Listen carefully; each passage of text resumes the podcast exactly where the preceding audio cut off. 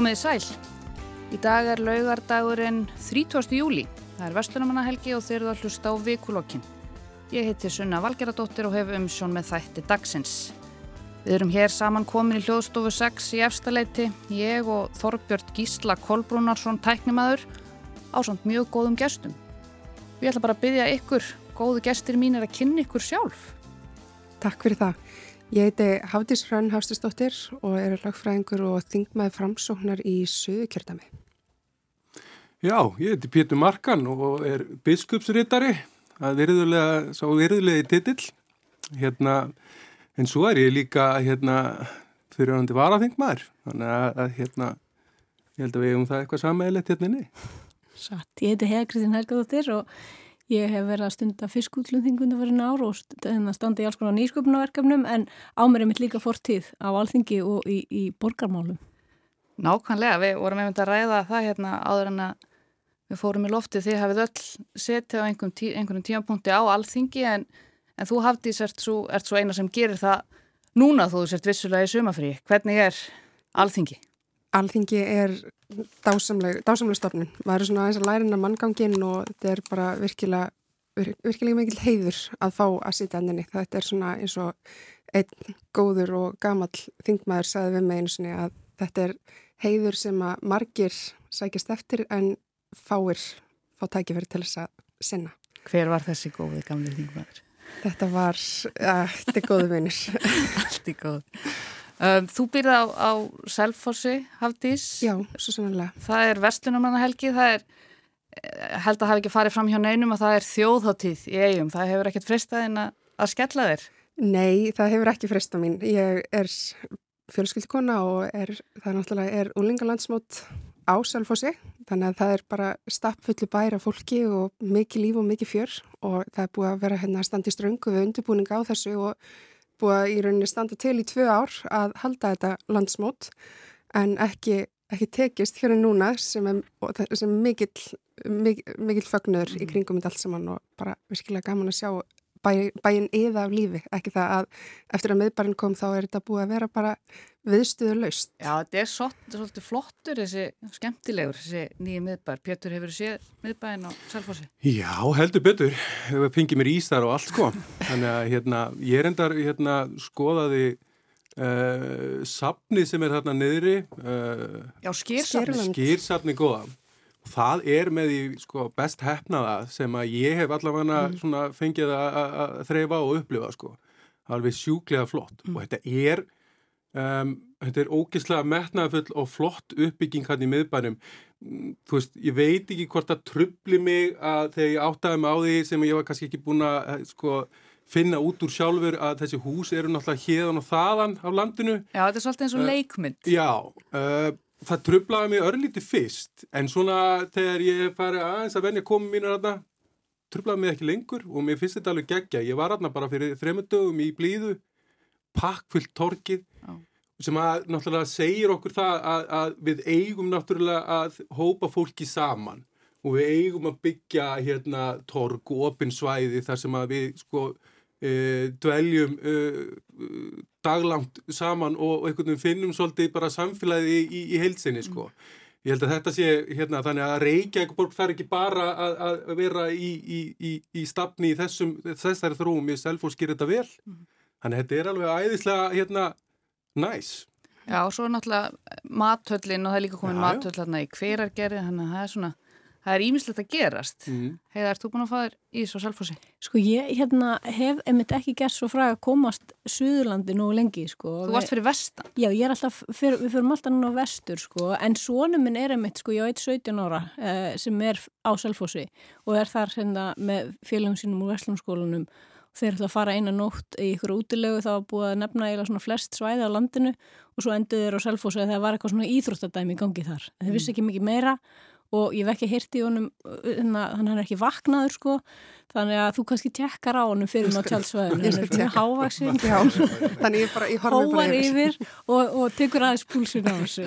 Ég held hans ég ekki til mikill á andra en hérna, nei en ég svo sem hérna, emitt, hef hérna hirt uh, góðu luti af þessu og ég held þetta sé kannski svona Um, sko, já, einmitt er margir það sem þú ert að segja Pétur að svona, þú veist, þegar svona hlutir hefnast og þetta þú veist, eh, getur maður haft svona skoðunar því að þetta sé kannski eins og hvað Disneyland á Selfossi, mm. þú veist, það er verið að búa til manngert umhverfið þarna sem að, þú veist, er kannski ekki fótur fyrir, en e, þegar að þetta hefnast þannig að fólk vil vera þarna og nýta þetta, hver getur sett sér upp á móti því? Mm. Og þú veist, og það vantar, um, eða það hefur vantar svona svolítið finnst mér þá hugsun, en mér finnst þú það að koma meir og meir og mér finnst þetta eins og hérna, um, að því að, einmitt, ég verð kannski meira á, á Vesturlandi Uh, fyrst þegar ég byrjaði að koma þangað svona mikið fyrir svona um það byrjum tíu árum síðan þú veist, þá var voða lítið til dæmis að borða annað en inn í einhverjum sjoppum eða eitthvað svona. Mm -hmm. og mist bara svona bara þessi hlutir hafa breyst svo mikið. Við fórum um tjónin í útilegununa á ströndum þar sem ég hef ekki áður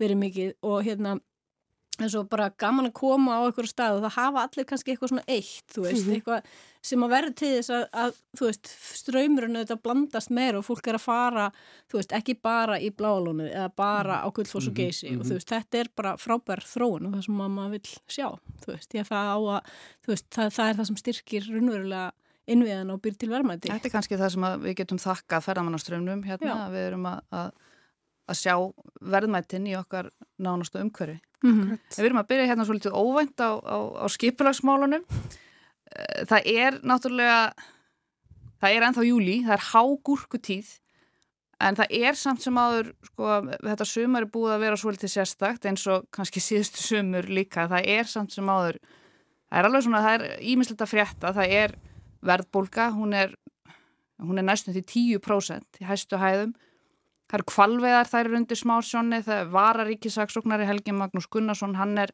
aftur búin að koma sér í klandur vegna hegðunar sinnar á, á samfélagsmiðlum. Fordómar gegn hins einn fólki eru aftur teknir að grassera og apabólufaraldurinn er orðin að alþjóðlegu neyðar ástandi og það er snjór á hólendinu. Um, ef við færum okkur aðeins úr þessum skiplásmálum og, og skoðum svona örlítið efnagsmálinn, Heiða Kristín, þú ert Þú ert businesskona. Jú, jú, rætt. Eh, þessi verðbólka, er hún farin að býta á, á ykkar starfsemi? Finnið þið fyrir þessu?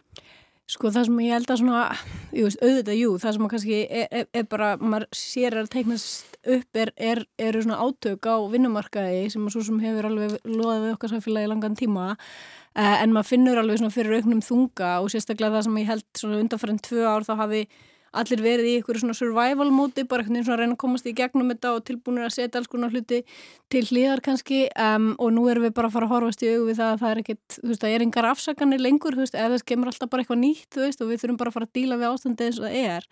Um, en það sem kannski kemur til mín í stóra samminginu í þessari umræði er bara að því að þú veist, tengist alveg inn í þetta sem við vorum að tala um áðan með ferðamenn og þau verðmandi sem þeir eru að skapa er bara svona þessi stóra hugsunum hvernig ætlum við að skapa hérna vermaði til lengri tíma til að standa undir þú veist þeim lífskeiðum sem við hefum vanið okkur á. Og þar finnst mér svolítið svona bara vanda einhverja svona lengri framtíðasín í, í því hvernig þú veist við sem samfélag ætlum að byggja hérna upp alþjóðlegt uh, stert samfélag sem getur staðið okkur fleiri stóðum heldur en bara sjáur út við og ferðamennum Um, því að eh, eins og við höfum bara upplifað þá er það líka uh, svona um, uh, veist, er, bara er ekki nógu sterkast stó, stóði til að standa undir öllu sem við viljum standa undir. Og, veist, og þess vegna verður maður oft hissa á því þegar við erum að veist, gamla með veist, þessi fjöreikokkar með til dæmis eins og að standa í þessum blessuðu kvalviðum sem að hérna, ég er mjög mikið á móti og ég hef aldrei almennilega náð utanum hvað veldur annað en bara einhvern veginn svona að eh, býða eftir að það vandamál leysi sér sjálf með, með hérna einhverjum, einhverjum hérna náttúrulegum hætti í, í stóra saminginu. Þannig já, það er svona, þú veist, auðvitað, jújú, jú, þetta er, þetta er, en mér finnst þetta svona þetta er svona umræði sem er alltaf búin að vera bara frá því að ég, ég held ég að fyrst fara að pæla hvað verbulga var hér svona fimm ára eða eitthvað Það er ofsalega ungt Já þú veist þetta er bara svona orð sem að þú veist, bara hefur einhvern veginn hangið yfir manni allar manns æfi mm. þú veist, og eh, mér finnst oft svona eins og við séum að tala um eitthvað sem að verði leist með einhver einu þegar svona stóra vandamáli blasir svolítið við og er óleist í mínum huga Hvað segir þú, Pétur? Hvað varst þú gammal þegar veltir fyrir þér verðbólgu? Já, ég, ég manna ekki alveg sko, ég bara, ég var miklu eldri en heiða allavega, svo það sé bara hérna sett í borðið. Sko ég held að hérna, að, að, þessi tíð sem við erum að fara að horfa framann í núna er náttúrulega bara ósköp klassísk hagsaga Íslands í, í, í nótskurð og ég held að hluta til finnst mér stundum við bara velja okkur það hreinlega að, að fara í gegnum þessar bylgjur. Uh, ég veit ekki hérna, sko ég held að hagsagan segja okkur til dæmis það að við veljum frekar verðbólku frekar en, en sko það að fækka störfum og atvinnuleysi, þetta er svona í grunninn þetta, við, við erum mjög upptekinn af því að hér séu alltaf eh, nægilega mörgstur og við séum vinnandi þjóð. Þetta er svona, hérna, það er svolítið hérna, gegnum gangandi, uh, þannig að, að ég, ég tek alveg undir með heiðu að það vantar uh, daldi svona skýra framtíðar sín ef okkur uh, dreymur um það að hætta þessum, hérna, hætta þessum bylgjum. Ég finn líka bara að hérna, sko, ég upplýs svolítið ástandi á þjóðinni uh, þannig að ég var með orfin hérna í bústanum í fyrra dag og ég var búin að vera að hamast á hérna á, á, á, á sefinu einhvern veginn og grasinu og bara, þú veist, og svo bara áttaði mig á þetta smá tíma það var náttúrulega í botni og það var orðið rauðglóandi sko. Uh, og ég þurfti bara einhvern veginn leggja það frá mér og hérna og leifa því bara aðeins að kólna. Og og við erum náttúrulega bara á einhverju trilltri ferð, neysluferð. Uh, og kaupmáttur er gríðalegur, það er bara ekki takt að orða öðruvísi. Og einn hefðbundna uh, millist þetta fjölskylda er farin að hólfa sumafríði sitt svona, svona þrískipt sko, það er hérna, það er alveg klárlega ein mjög stór ganga eða einhver svona, svona, svona úldra útivist og það er uh, tjaldtísið, fellísið, einferð og svo er það náttúrulega til þess að slaka á Teneríf. Þetta er náttúrulega brjálu neysla og þetta er brjálu keisla á samfélagi sem kallar náttúrulega á meira. Mm. Þannig að, að, að einhver stað verður náttúrulega bara kerfið að kólna aftur eins og orfið í bústanu sko. Um, og ég held að það sé hluti til líka það sem að hérna um, við erum fara að horfa á núna. Um, hitt er sem er kannski uh, áhugavert er að sko Sæðlabankin gegnir mjög mikilvægu hlutverki í þessu og Sæðlabankastjóri þarf að vera dálítið óumdelt persóna uh, sem að getur dálítið talað uh, þannig að, að, að það sé sko, hafiðið við einhverja pólitíska ása Uh, og við bara, við, bara fylgjum honum að við treystum honum. Og ég verð bara að segja að Sæðlabokastjóri er bara ekkert í þeirri stöðu, hann er bara ekkert búin að koma sér í þá stöðu að geta verið svona þessi rött mm. Uh, og það er að mínu viti svolítið slæmt. Að ég held að það er ákveðin nákvæmlega svona stundum sem að við þurfum að hafa uh, einhvers konar þórólf já, bara frábært dæmi að því það er hérna stundum bara þart að hafa röddina sem að já, svona hefur svo upp fyrir hérna uh, alls konar sérhagsmunni svo ég bara segi það Hvað segir þú Hafdís? Tekur þú undir þetta? Er Sælabankastjóri of umdildur?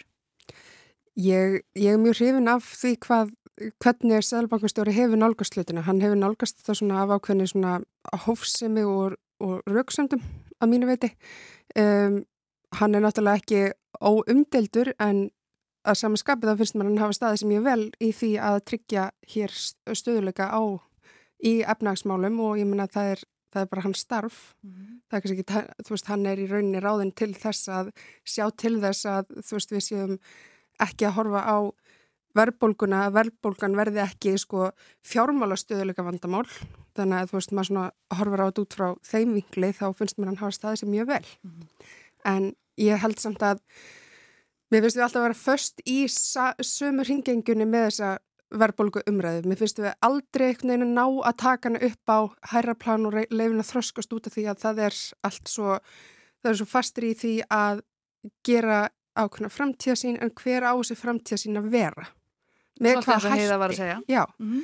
það, veist, þannig að einmitt ég tek bara undir það veist, það skortir alveg að við horfum til framtíðar í þessum málum. En það er bara spurning hvernig ætlum við að taka umræðan og hvaða lausnir eigum að leifa okkur að fara þá aðeins út fyrir ramman og tala þá um eitthvað, eitthvað nýtt? Eins og hvað? eins og, þú veist, eigum við að skoða þetta með, eins og við í framsón höfum verið að tala fyrir með húsnæðsliðin í neyslu, hérna, í neysluvístölunni, þú veist, getum við pröfa að taka þá umræðu upp á, upp á herra plan eða eigum við að halda áfram að hjakkast alltaf í sama farinu með það að hér þurfum við bara að lækka vexti?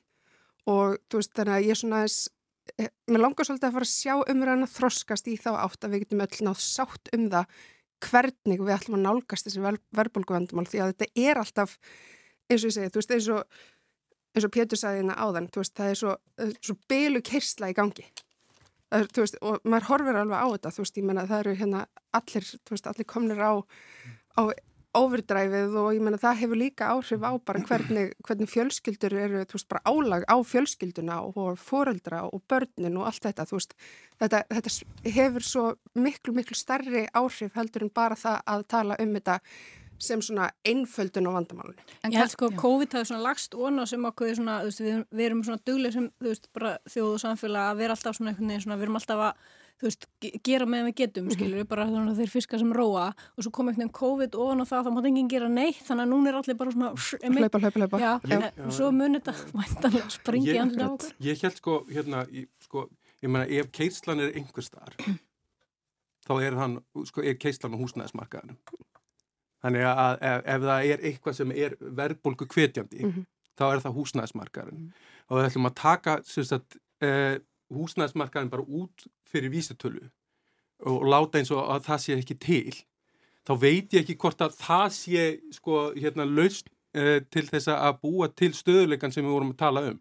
Ég held reyndar við ætlum að sko, sko, umræðan færi núna snúast um, um, um evru og hérna og og Európusamstarfi. Það er náttúrulega lausnin sem við ættum þá að ræða og hafna þá eða, eða velja. Mm -hmm. Það er raunveruleg sko, umræða um, um framtíðasín. En það þarf ekki að vera að, hérna, að þjóðin sko, kjósi það síðan og endar. En það er hinn raunverulega, hinn raunverulegi möguleiki ja.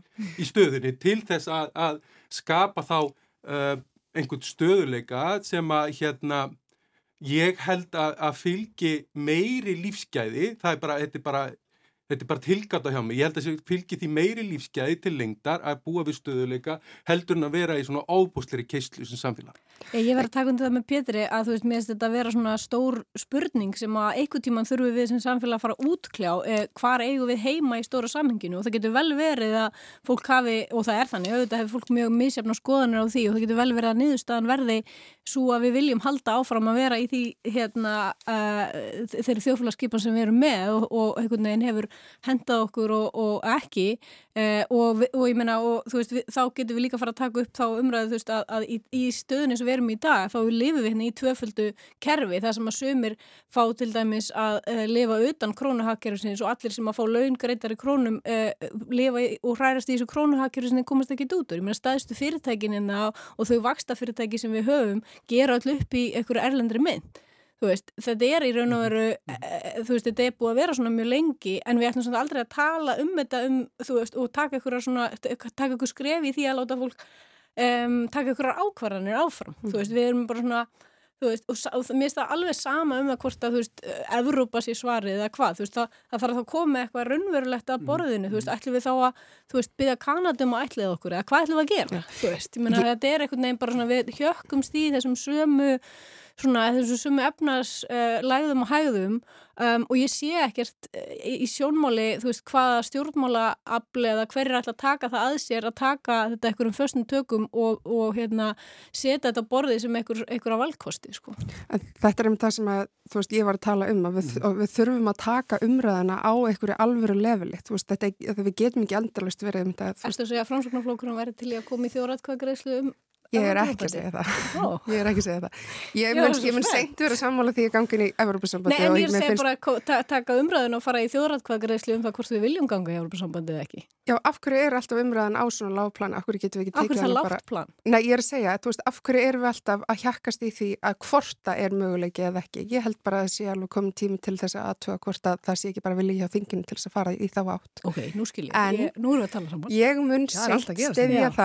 að að að ég. Að mun seint stiðja það Já, að fara inn í Európa-samtöðu og ég held að okkar hagsmunum sé ekki best borgið þar. Einmitt, og ég menna það er bara umræðin sem við þurfum að taka en þú veist við náum aldrei þangað ef við meðum ekki einu svonni, þú veist, uh, bara hafa þetta sem raunverulegan möguleika á borðinu, þú veist. Mm.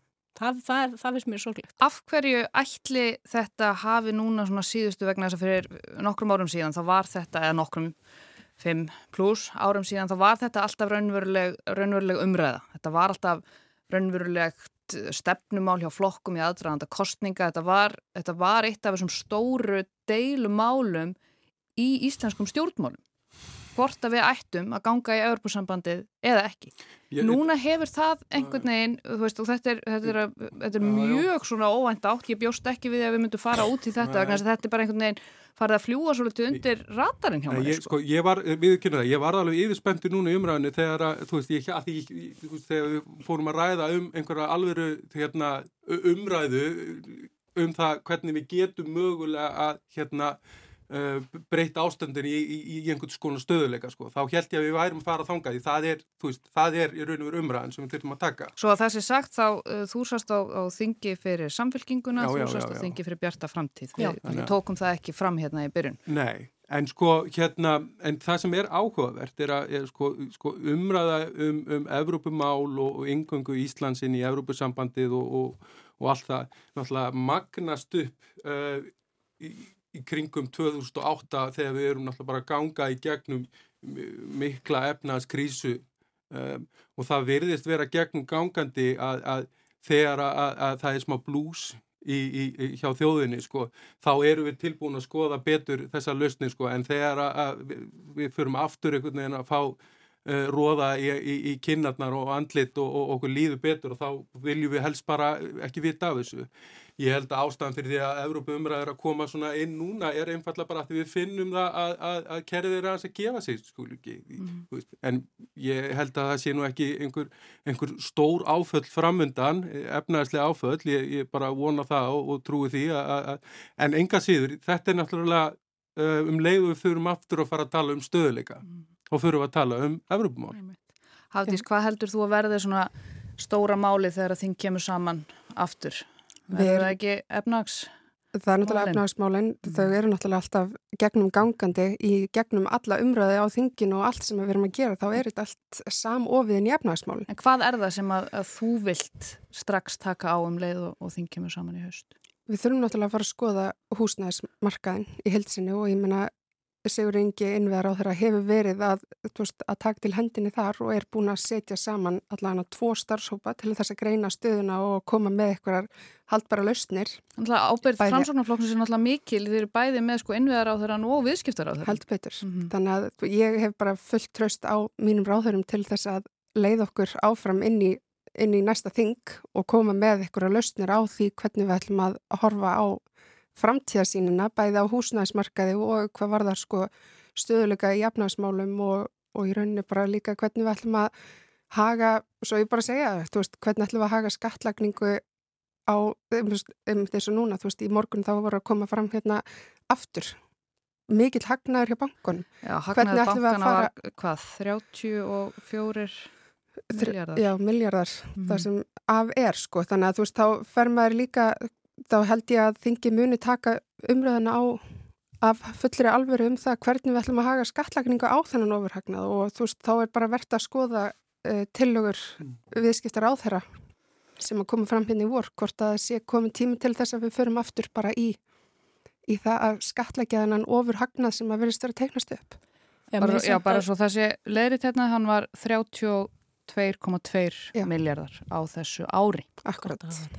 En að því við byrjum líka á skiplasmálunum og, og þú tala um húsnæðismálunum þá er náttúrulega ergjöðsamlega galið að vera einhvern statur í þeim, þeim veruleika að þú ert að reyna að kaupa þér uh, fastegn hérna á hugborgarsvæðinu uh, fyrir veist, fimmanna fjölskyldu og þú veist það er ekkert í bóðin en maður kosti eitthvað stærri kringum 100 miljónir eða eitthvað og, þess...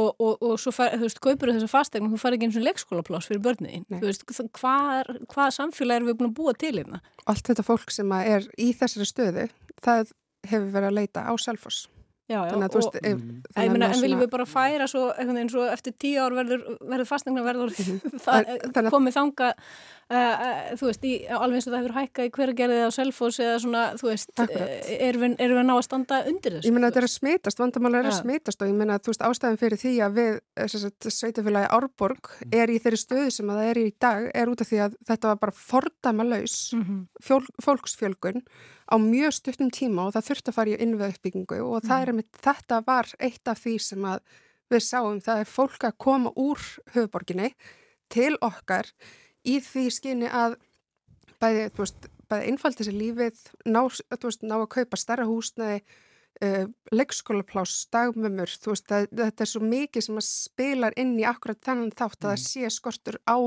húsnaði og jáfnveil bara loða útlötunum á höfuborgsvæðinu, þú veist, þá er bara spurning, þú veist, hvað með, þú veist, e hvernig ætlar, ætlar höfuborgsvæðið allt að haga skipilagsmál. Svo er náttúrulega líka eins og störf án staðsetningar hafa líka, þeim hefur fjölkað eftir, náttúrulega sérstaklega eftir COVID, þannig mm. að margir komast upp með að vinna að heimann, mm -hmm. þannig að það skiptir kannski minna máli hvar þú býrð fysiskt. Mm, já, ég held líka bara svona fyrirtækin sjálf sé að átta sig á því að þú veist, eh, að hérna um, þú getur haft starfsfólk þú veist, á, á öðrum stöðum heldur en akkurat í höfustöðunum og það sé eitthvað gott við það sko, en að því að þú mm. nefnir þannig líka einmitt þess að hérna loðaskort, þá er nú reysastort byggingasvæði meðri Reykjavík sem er núna mest geimt undir enga þútur eitthvað auðkjöfinga frá útlöndum. Ah, Vassmeri og, og hérna það er einmitt þinn ráðherra sem hefur staði í vegi fyrir því að opna fyrir að, að það land verið byggt í Vassmyrinni. Kanski ekki staði í vegi fyrir. Það er bara... allavega ekki hjálpað til við það. Nei, en það eru náttúrulega bara út af því að við teljum að það séu ákveðin landsbyðasjón með sem að skipta máli. Já, sem að ég held að væri mjög auðvelt að leysa með því að í raunverulega fara að horfa á það að byggja upp góðan og hérna, sterkan flugull í Keflavík með samgöngum millir Keflavíkur og, og höfuborgarsvæðisins Eh, þetta eru vandamál sem hefur verið list allstaðar annar staðar í heiminum og meðan þetta er, eitt, þetta er Reykjavíkuflugullur, kvalviðar, þetta eru svona þau mál sem er með svona kristalla geturleysi stjórnmálamanna til að díla við einhver vandamál sem eru óþægileg, eh, einhvern veginn snerta þeirra svona innri kjarna og verða til þess að við öll hinn hérna situm bara og býðum og, og tökum við afleggingunum sem eru í sko öllu falli ömurlegar fyrir okkur. Sko ég hérna ég hef með svo blendna tilfinninga hvað er Reykjavík-flugvelli að því ná er ég bara Reykjavík uppalið uh, og ég sé mikil tækifæri í Vasmírinni og það er augljós tækifæri í Vasmírinni það er bara ekki að ræða það Já, þetta er stórt plás uh, Þetta er stórt plás, þetta er miðsvæðis uh, tengir í raun og veru tvo háskóla, þetta svæði er náttúrulega ekkit eðlilega dýnamist og spennandi en það breytir því hins vegar ekki að uh, mikið til af grunnþjónustu sem að þú átt rétt á uh, fer fram og er sint í Reykjavík. Mm -hmm. Þannig að landsbyðin, brú landsbyðinan til Reykjavíkur er gegnum Reykjavíkflöðal. Í dag. Í dag. Og ég, nefnilega, ég held að menn fari stundum öfugt að í umræðinni til þess að, að þókinni áfram. Um, virt og opið samtal við landsbyðina um það hvaða laust er þá í bóði en ekki á fórsöndu reykvinga væri miklu líkleri til árangurs, mm -hmm. bara svo ég bara, ef við bara horfum á árangur en ekki bara hvaði hvers. Tegundi uh, þetta. Vegna þess að ég held að flugvöldurinn, hann fari seint eða aldrei nema að landsbyðin sé búin að taka þátt að, sko, að, í þeirru umræð og taki ákvörnum að hvar. Ég er alveg samanlega, keflaðið getur vel verið hérna valkostur í stöðinni Eh, þá þyrtir náttúrulega að stitta ferðatíman umtalsvert frá Keflavík til Reykjavík, ég held að það sé alveg gerlegt. Mm -hmm. Það er spurning hvort að, að jarðfræringar og Reykjanísunni eigi eftir eitthvað að tefja umræðu um kvassarhaun, ég bara skal ekki segja til um það, en Reykjavík flugullur, hann fer ekki fyrir en þú ert búinn að samfara landsbyðina um annað. Það er bara, ég er mm -hmm. eiginlega samfaraður um þetta og ég held að þetta sé leiðin. Æ, og þetta er bara upplifið ég, þú veist, í mínum störfum -hmm sem sveitastöru í bara rúral samfélagi, bara hérna jáðar samfélagi má segja, uh, þetta er umræðan og hún þarf eiginlega svolítið að verkast trúna. Já og, hún, og, og, og það er bara hérna engin að tala með þetta annað, ég meni ég hef notað Reykjavíkuflugul mikið en þú segi, ég e, e, hérna, eða miklum tíma fyrir vestan og ég skal alveg vera fyrst að viðkynna það að það er gríðalega þægilegt að stíða upp í flugul og vera komin á Ísafjörðu til 40 mínútur mm -hmm. en þú veist, þegar það er flugið, þegar það er flugið.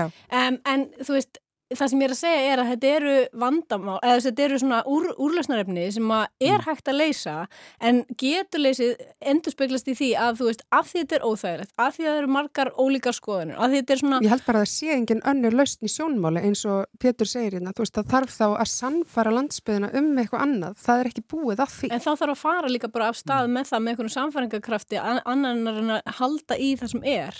að er, að augljóslega galla Ég held en bara, að því, sko, bara til þess að bara örstuð, að ég held að þessi einföldun að nálgast málefni Reykjavík út frá skipularsmálu sveitafélag. Mm -hmm. Bara ég held að þessi einföldun vegna þess að ég held að það þurfi að verkast í raun og öðrum stöðum og þar komir heimingin og ég bendi bara eitt að þingvellir er sveitafélagi.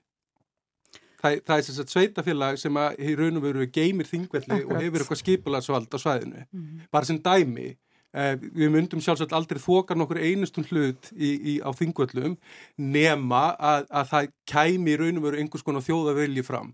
Og ég bara, þú veist, ég veit þetta er ekki sambaralegt, ég ætla samt að kasta þessu upp vegna að hluta til er þetta einhver leiti skilt. Já, og bara eitt örstu, að þú veist, akkurat þetta eins og, eins og verðist verið að tegnast upp hérna, þetta snýst allt um og hverfist allt í kringum samtali og við í, við í mínum flokki höfum náttúrulega verið mjög ötull málsværi þess að taka samtalið við allt samfélagi og við hagaðala þegar það eru gerðar eitthvað breytingar. Já, en það, það er ekki nóg að taka samtalið, það þarf svo að taka einhverja ákvarðanir eftir að samtalið er tekið. Það sem er náttúrulega búið að vera að gera í öðrum máluflokkum. Mm -hmm. Það er árið 2022, við erum að ræða um Európa-sambandi og flugöldin í Varsmýri. Þú böðst mér! Eh, þeir sem voruð að kveikja á viðtækjanum, þá sittum við hér í miðjum vikulokkunum á rásætt. Ég heiti Sunna Valgeradóttir og gestir mínir eru þau Hafdís Hrönn Hafsteinsdóttir, hún er þingmaður framsóknar, Heiða Kristín Helgadóttir, fisk útflytjandi með meirum og Pétur Markan, biskupsrittari. Færum okkur nú aðeins úr Varsmýrinni. Um, það hefur verið svona mallast eh, í fréttum undanfarið, undanfarnar vikur kannski sérstaklega og Kristallari serast á mjög hræðilegan hátt í, í Ósló þegar að hriðverk voru framinn þar á, á hins einn dögum þar. En fordómar gegn hins einn fólki þeir eru einhvern veginn orðnir háværari en þeir voru áður og, og fólk er að tala um mikið og alvarlegt bakslag í þeirri baráttu. Og sumt sem að við erum að, að sjá og horfa fram á bara hérna á Íslandi má alveg teljast sem hattus orðræða hvort sem að það er þessari miklu polariseringu sem er að gerast í, í stjórnmálum út um allan heima að kenna það verður látið ósagt hér Pétur uh, má ég kalla það talsmann þjóðkirkjunar eða? Já, ég, ég Já, ég held að sé, ég, ég er öll þókirkjunar stundum þegar það er að koma skilubóðum framfæri, já, já, gegnum biskup náttúrulega. Þú og, og þín fjölskylda, þið lenduð í heldur óskemtilegu atviki á dögunum. Feng, já, fengu... já, við fengum bref sendt heim, hérna stílað okkur bæði, konar mín er, er prestur í Hafnaferinum, þannig að hérna uh, þar sem að Veist, ég ætla ekki að lýsa innhaldinu sérstaklega, þetta er bara það sem við köllum ógeðslan hatus áróður og, mm -hmm.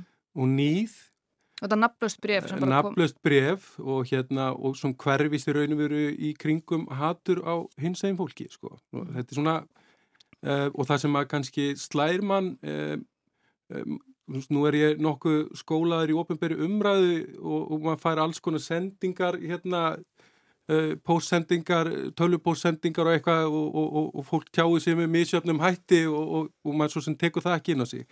En, en þegar þú farir þetta heimtíðin um, og þegar einhver hefur fyrir því að setja stimpil eða sagt, uh, póststimpil á brefið og hérna og nefnir börnin þín og fjölskylduna þá er það mjög vond tilfinning mm -hmm. sko.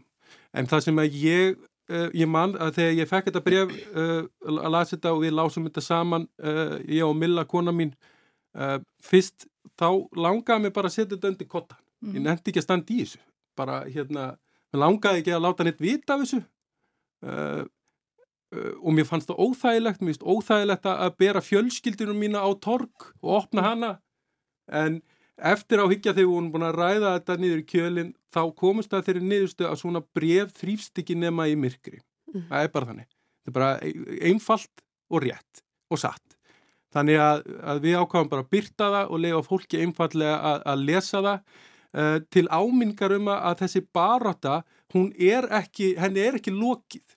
Svo sannarlega ekki lokið og það þarf að haldinni virkri og það þarf að haldinni stöðuri því að baróta hinsegin samfélagsins er baróta samfélagsins í heilt uh, og ég fullir það að uh, svo baróta og, og svo breyting sem hefur orðið, samfélagsbreyting og orðið með, með vinnu og, og, og, og kröfu hins einn samtakana, uh, samtakana 78 hefur breytt móralisinningu samfélagsins í heilt. Mm -hmm. Við erum frjálslindari, við erum opnari, við erum kærlisríkari og við komum betur fram með hvort annað. Og ég held að þetta byrti síðan í alls konar málaflokkum. Og ég vil bara meina að, að samtökinn 78 og hins einn samfélagið í heilsinni ber mikla ábyr á þessari breytingu. Þannig að þegar að bakslag verður, þá er þetta ekki bakslag fyrir hins einn samfélagi, þetta er bakslag fyrir samfélagið heilsin mm -hmm. og þetta er að ábyrja okkar allra að, að, að berjast gegn því með öllum ráðum og dáðum ef við finnum það að það er eitthvað sem er að hoppa tilbaka. Svona.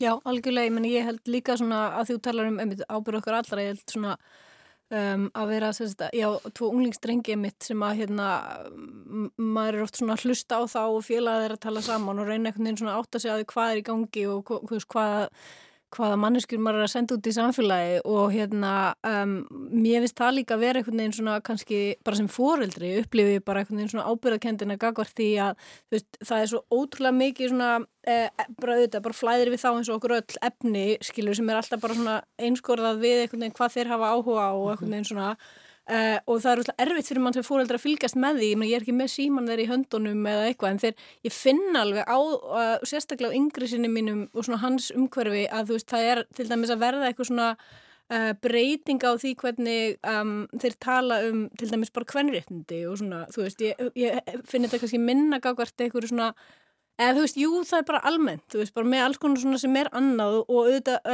þú veist, sem er hérna sem að bara hendar þeim ekki eða, eða þú veist, einhver staður er að verða fyrir eitthvað svona áhrifum sem ég svona, veit ekki alveg hvernig ég á að díla við. Og eitthvað af þessu eru þetta bara einhverju unglingstrákar að vera unglingstrákar og þú veist, ég man alveg eftir strákum þegar ég var unglingur sjálf, skilur við, og þetta er einhverjur hormónar og alls konar, en þetta er samt svona þess að mann man er líður eins og maður þurfa stundum að stoppa bara svona að taka alvarlega í tauminn, sko, mm -hmm. þú veist, og mér langar bara svona stundum að fá Sólíu Tómasdóttir í heimsókn allavega einu sinni viku og messa yfir þeim bara svona, þú veist, að því að, að, því að þetta er einhvern veginn bara, þetta er svo alltum liggjandi og það er svo erfitt að að, já, stundum stoppa þetta en ég held að það sé svo mikið á ábyrmanns sem fóreldrið mitt að hlusta eftir í hvað manns eigins börn er að segja og gera mm. og þeirra umhverfi og reyna einhvern veginn að stíga þar inni vegna þess að þú veist, bakslagi er bara raunverulegt og alveg eins og Pítur er að segja þú veist að þessi, þetta bakslag er ekkit bakslag hinsveginn samfélagsins þetta er bakslag okkar allra og þú veist og við erum að horfa það sem er að gerast í bandaríkjunum með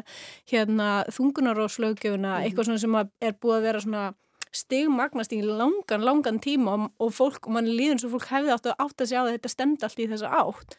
En þú veist það er ekki fyrir að sl bara slær mann framann í andliti að þá eitthvað neginn svona vakna mann og maður vill það ekki. Eins og gerist svo oft. Eins og gerist svo oft, mm. þú veist það er allir svo upptökjandi Ég tek bara heilsugur undir þetta og það er ótrúlega leðilegt að heyra að við séum komin, þú veist, heyra af þessari afturfyrr og finna hana bara á, þú veist, á bara einn hendi, mm. bara að þetta er þetta er staða sem er tegnast upp sem að myndast einmitt, þú veist, í kringum eins og Pétur var að segja, þú veist, í kringum eins og polariseringu sem að er farin að hræða mann. Mm. Það er verið eitthvað polarisering út um allan heim mm.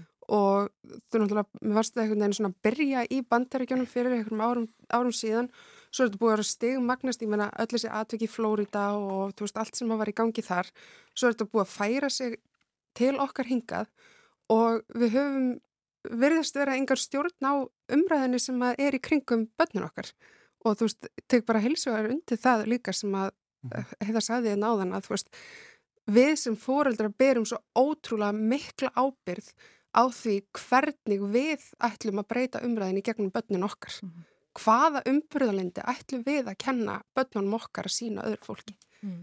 veist, hvaða samkendin, þú veist, menna þetta er í rauninni bara þannig að veist fyrir mér fyrir mér eru allir, allir jafnir og það skiptir engu máli hvaða, hvaða enginnið þú berð og mér finnst við einhvern veginn þurfa að þetta er eins og með kvennréttindin eins og við vorum eh, komin að fram á þann mhm, með mm -hmm. þungunarófslaugjöfuna þetta er barátt sem, sem að líkur aldrei við þurfum alltaf að vera á tánum við þurfum alltaf að vera uh, veist, við, við stýrið þegar við kemur að þessari umræðu um, um sko málumni hins einn fólks og, veist, og í rauninu bara réttindi þeirra. Mm -hmm.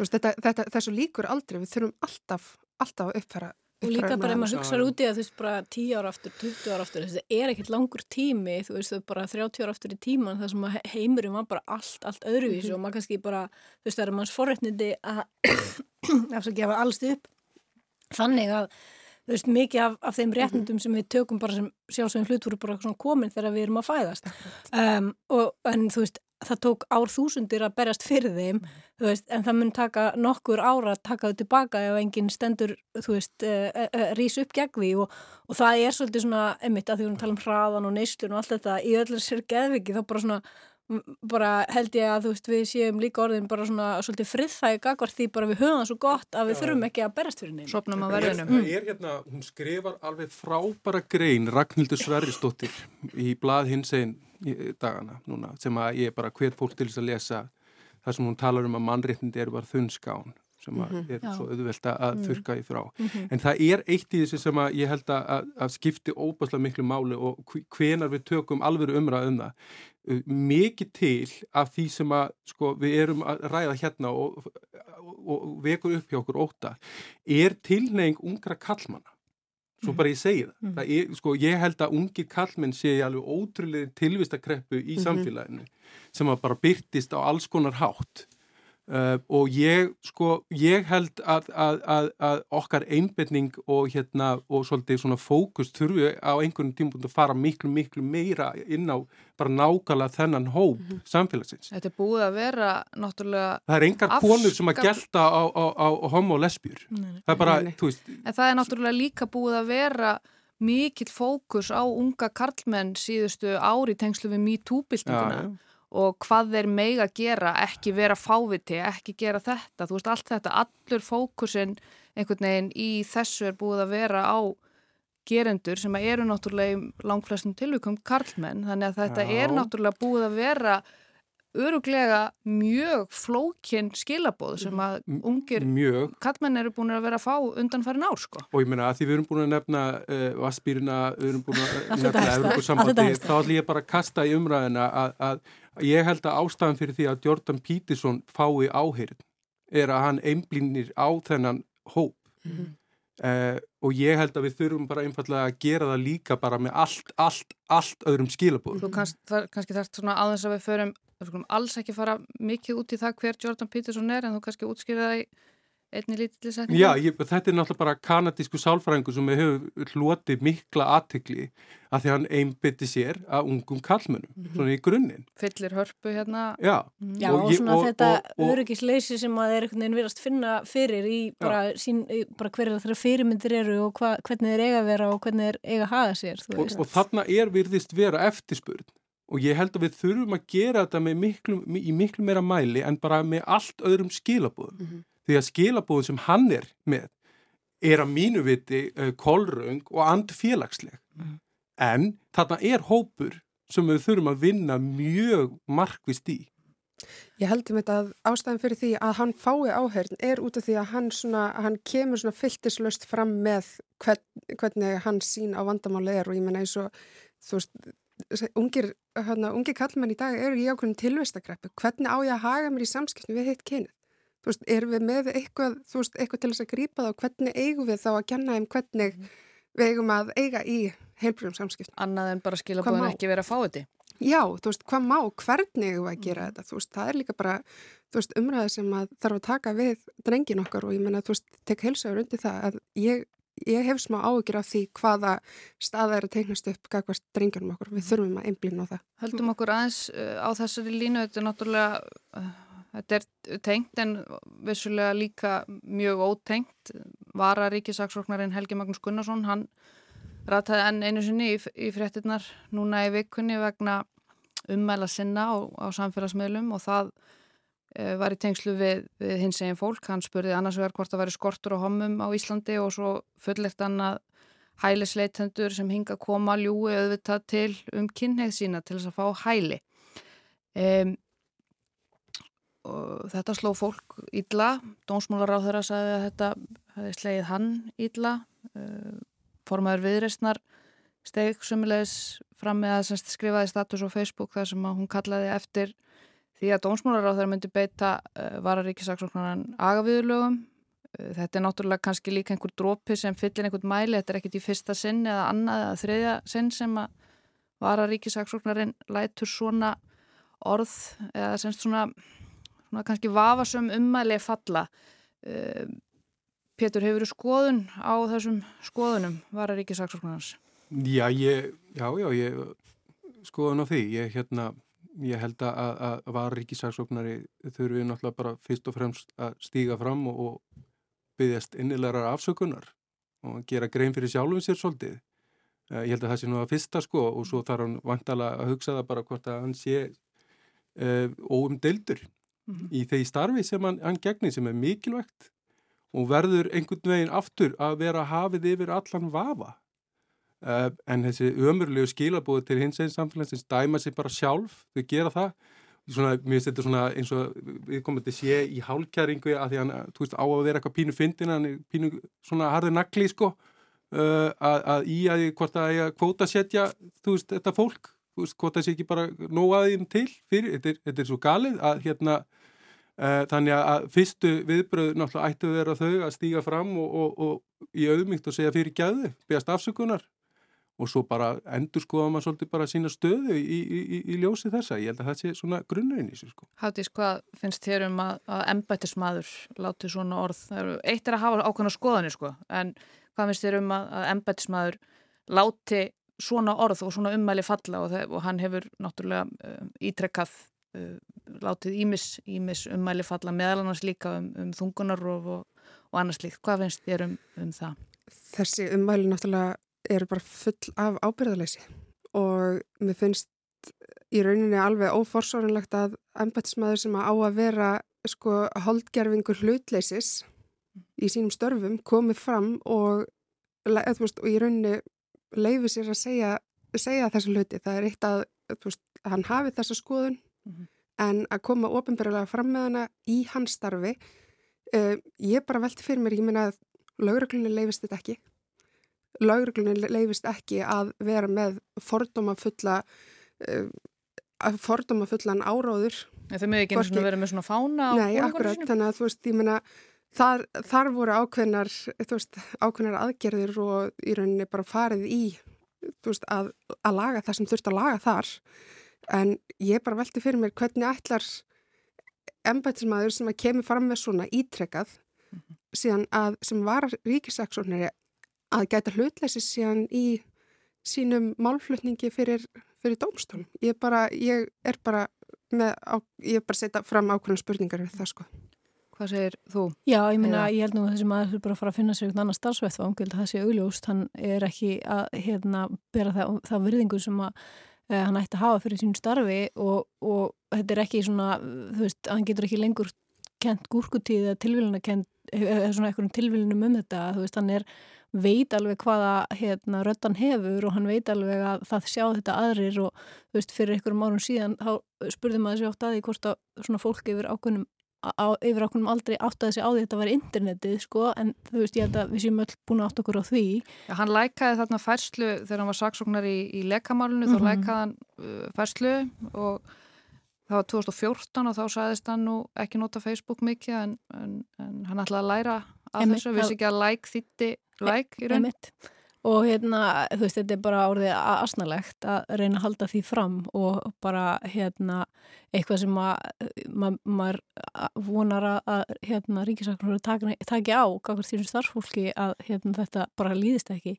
Eh, en svo er alltaf þetta líka bara eins og vorum að tala um áðan, þú veist, þessar skoðanir eru þarna Veist, og eins og þú veist að segja líka á hann Pittur, að þrýfst í myrkri þannig að að einhverju leiti er þetta líka samfélagslegt mm. úrlausnarefni fyrir okkur uh, þú veist, hvað ætlum við að gera við, þú veist, þannig vaksandi hóp, þú veist, kallmána sem eru bara einhvern veginn ótrúlega ósáttur við sína stöðu og finnst eins og sé búið að taka eitthvað af þeim og mm. það er bara ótrúlega svona erfiður hlutur að, að hérna, díla við sem samfélag að þú ert með stóran hóp hérna, manna sem að hafa verið þeirri stöðu að ráða og drotna yfir samfélaginu og það er sannlega búið að taka eitthvað af þeim.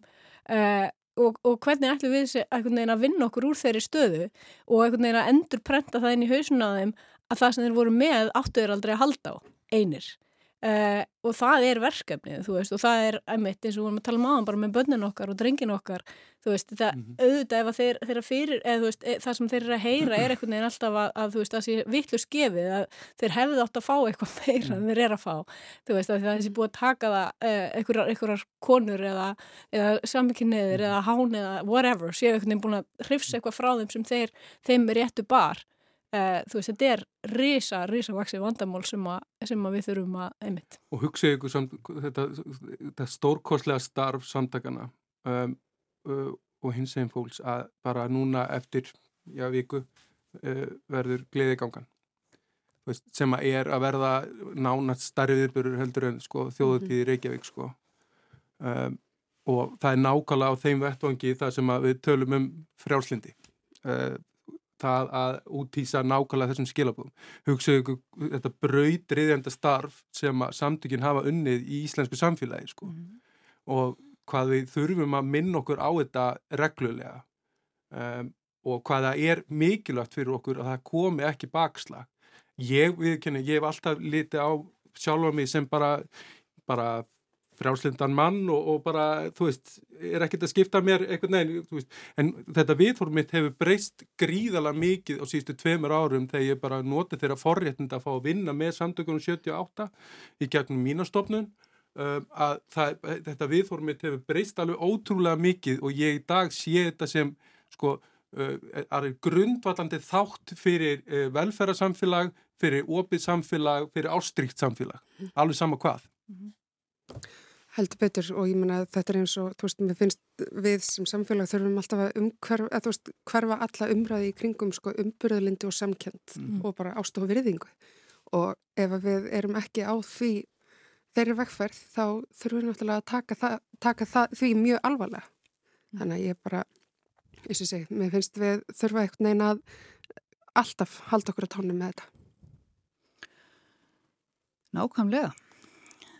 Eigum við að að færa okkur aðeins svona yfir í, yfir í léttara, léttara hjál það er þessi eins og við komum inn á við byrjum kannski svolítið og öfum enda hérna í, í byrjun þáttarins við fórum að, að ræða um ferðalög og plön og hvað þið eru hérna, ég er mjög þakklátt fyrir að þið séu hérna hjá okkur upp í erstaleiti um verslunamannahelgina hver eru svona plönin? Hvað ætlið það að gera, Pétur?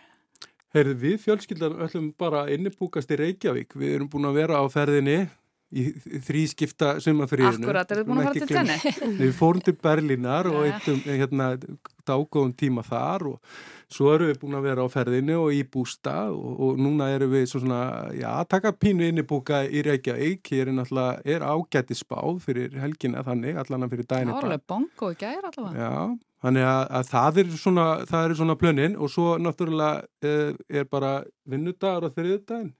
Þá bara mm -hmm. hefst verðtíðin aftur sko. Ætlar að skella þér á einhverju tónleika í búkunum?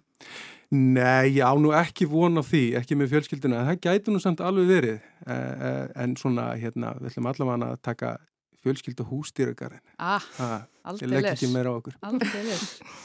Allar að nýta þér flugullinni Vassmýri, heiða Kristín? Já, ég ætla að lappa það með frá gründverkinu. Njóta.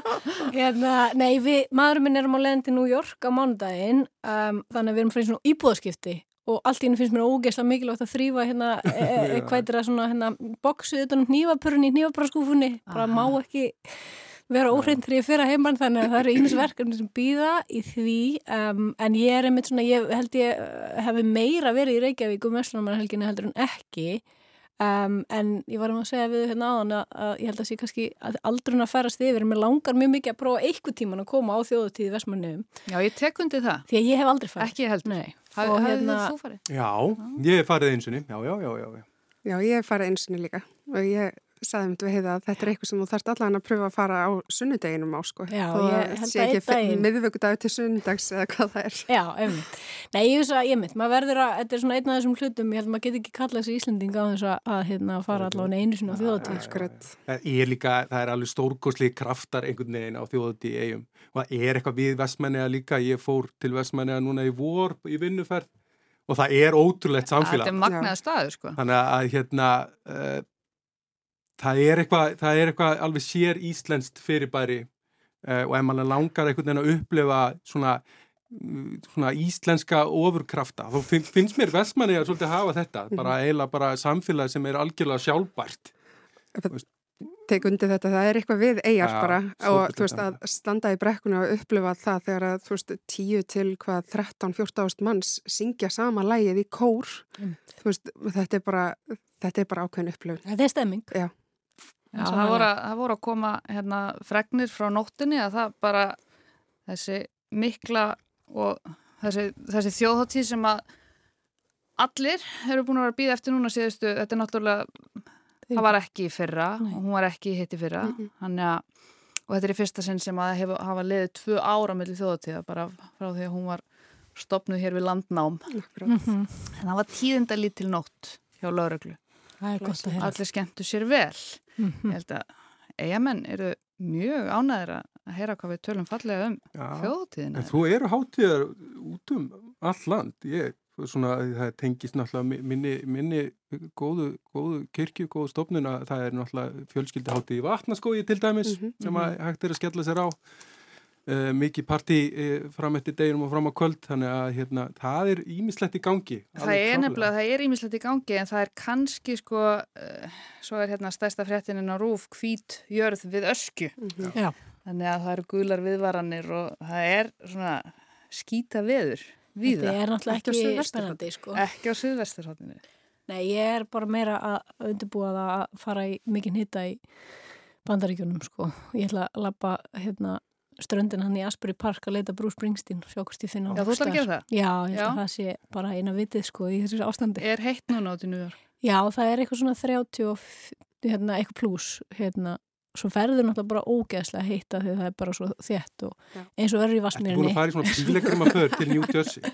Uðvita, ég hef bara hangið fyrir utan heimili, æsku heimili brús og já, já, skoðaði og öll og þannig að já, þetta er allt á lockdown Þetta er eins og, þú, það eru hátíður út um allt, meðist einhvern veginn færast í aukanda líka að fólk sé með sínar eigin hátíður. Þú veist, bara skipleiki og bjóði bara vinafólki og þú veist, ég er mitt verði í einnig svo les um helgina. Á Sælfósi.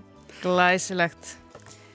Við ætlum að láta þessu lokið hérna úr erstaleitinu, lögardaginn 30. júli um vestunum hana helgi.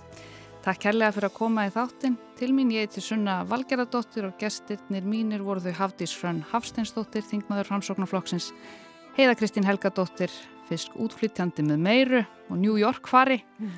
og Pétur Markan, biskupsittari. Vikulokkin verða hér að viku liðinni verið sæl.